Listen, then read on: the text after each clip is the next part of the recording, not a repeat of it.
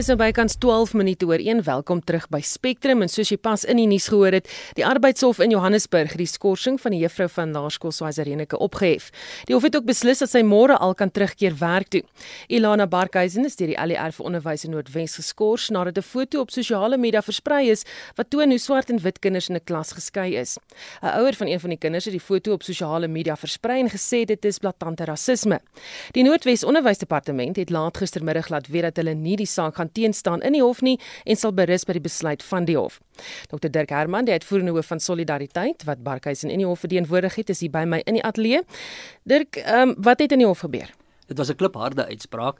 In kort het die hof gesê dat die um, skorsing onwettig was en dit word dus opgehef en dat sy dus onmiddellik kan terug gaan skool toe. Dis die harde kant van die uitspraak self. Maar ek wil drie vinnige momente uh, momente in die uitspraak uitlig wat ek dink ongelooflik sterk was.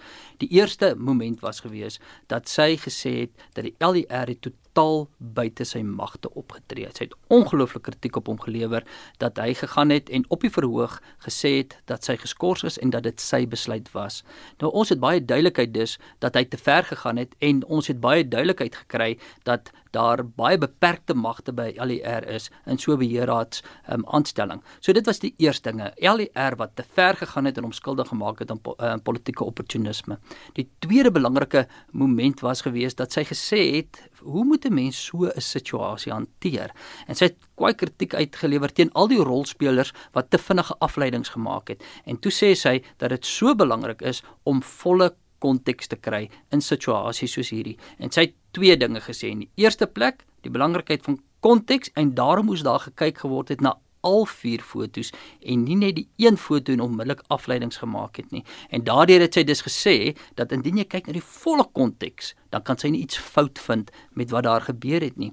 En dan die tweede belangrike ding wat sy verskriklik belangrik uh, baie klem opgelê het um, op hierdie punt is dat 'n mens na die ander kant van die saak moet luister. Sy het so ver gegaan om te sê as die ander partye net na die ander kant van die saak geluister het, dan sou ons nie vandag in die hof gewees het nie.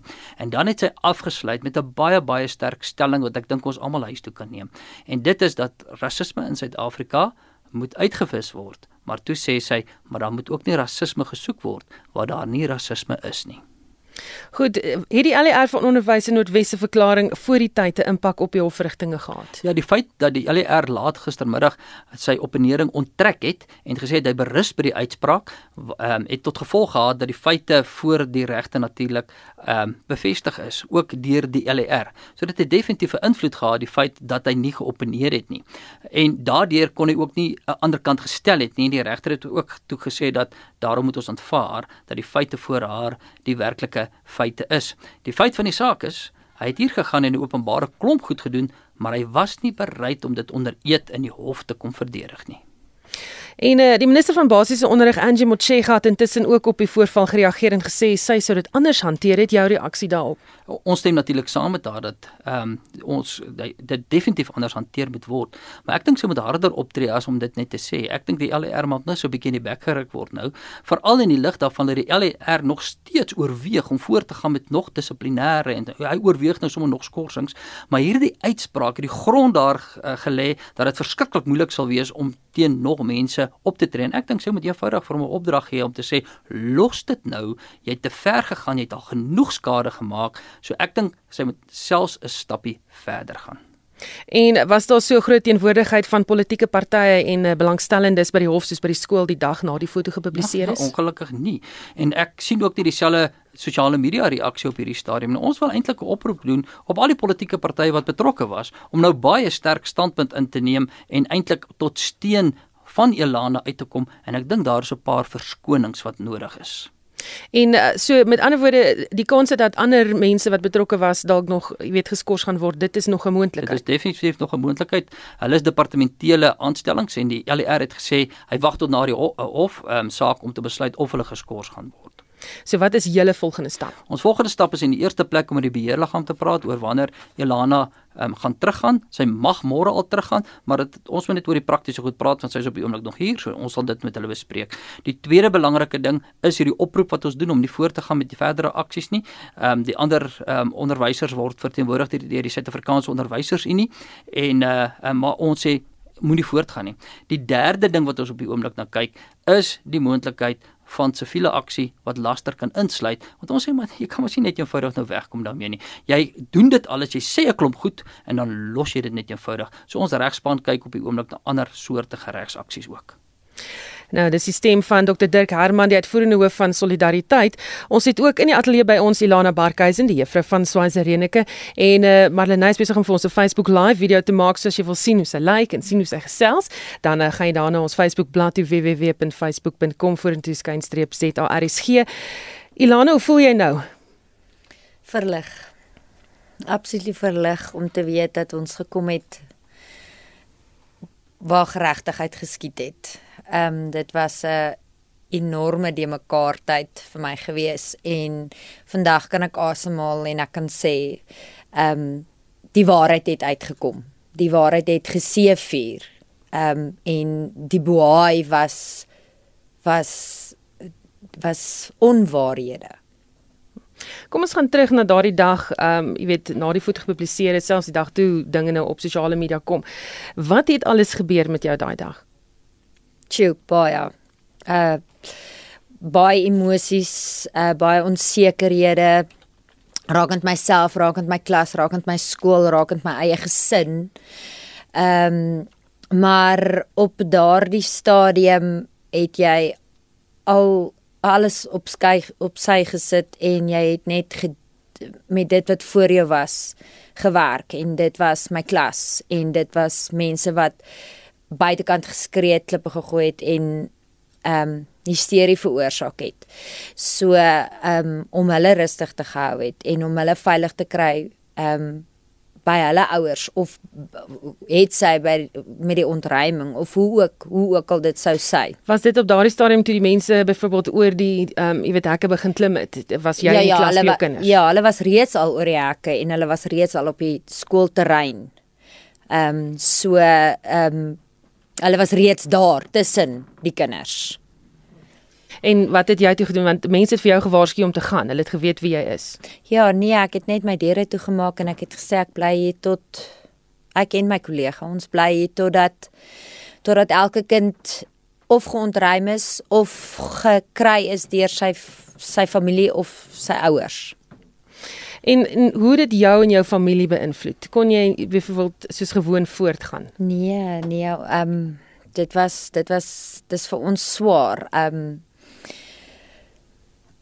mense daarvan trek want jy het nie geweet wat kom nie. Jy het nie geweet wat wat voor jou gaan staan as jy ehm um, by jou deur uit stap nie. Want ehm um, as jy net gekyk het hoe die dag verloop het ehm um, met die dag van my skorsing kon jy die absolute ehm um, die mekaar absolute kwaad in almal se se oë en se dade kon sien. So hier is ek as 'n 'n individu, as ek geïdentifiseer. So ehm um, natuurlik is jy bang. Natuurlik is jy onseker en natuurlik ehm um, dis 'n klein gemeenskap. Ehm um, almal weet wie's Elana Barkhuizen um, in my gemeenskap. So nee, jy jy het maar onttrek. En en vir jou eie veiligheid en my kinders se veiligheid en ook my man se veiligheid. Is jou lewe bedreig? Ehm um, ek sal nie sê op die stadium nie, op daai stadium het ek so gevoel. Op daai stadium het ek so gevoel omrede ek nie geweet het nie. Ehm um, dis iets wat ek nie elke dag mee te doen kry nie. Dis nie iets wat ek elke dag ehm um, politiek is nie my forte nie. Ehm um, ek is 'n juffrou. Vra my oor my oor my klas en vra my oor my waar waar ek op goed in is. Ehm um, so ehm um, op daai stadium het ek gevoel eh, met dreigende ons gaan die skool afbrand. En dis nie die skool wat te meer vir 'n individu. Hmm. Kom ons kom ons gaan net spesifiek ook terug na die foto toe. Ehm um, daar is nog gepraat van vier fotos uh, wat aan die hof voorgelê is. Ehm um, wat was hierdie foto?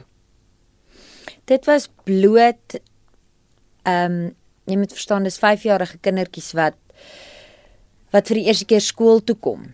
En ehm um, vir baie van hulle is dit hulle eerste dag uit hulle ouerhuis uit. Wat wat voorheen nooit by ene in enige instansies was nie. So net so onseker soos wat hulle is, so onseker is die ouers ook. Ehm um, daar het meer ouers weggestap met trane daai oggend wat hulle afgelaai is as kinders. Ehm um, bloot oor die feit van ons is nou in die groot skool en dis vir almal 'n groot ding. So jy neem daai emosies in ag. Jy neem daai emosies in ag van kinders sowel as die ouers want jy wil albei tevrede stel, jy wil albei gelukkig hê. Jy wil jy wil jy wil hulle ook deel maak van jou van van die eerste dag um, in die groot skool. En die doel van die foto was bloot om te sê: "Mamas, ons is gelukkig. Ons is by die skool en dis vir ons lekker." En toe het jy hom geneem en gestuur. Goed. Ehm um, Ilona gaan dit daar los omdat uh, julle nog besig is met regsaksie en in hof optrede. Enige ander vrae kan jy nou dalk 'n bietjie in die moeilikheid laat beland. Baie dankie dat jy vrymoedigheid gehad het om met ons te kom gesels. Dankie dat jy uh, kon wees. As ons hierdie storie verder dophou. Dit dan die stem van Ilona Barkhuizen, juffrou van Swazirenike. As jy weer na hierdie onderhoud wil luister, gaan op ons Facebook bladsy. Ons het hom ge Facebook live en uh, kan jy sommer daar 'n kommentaar lewer. Dis 'n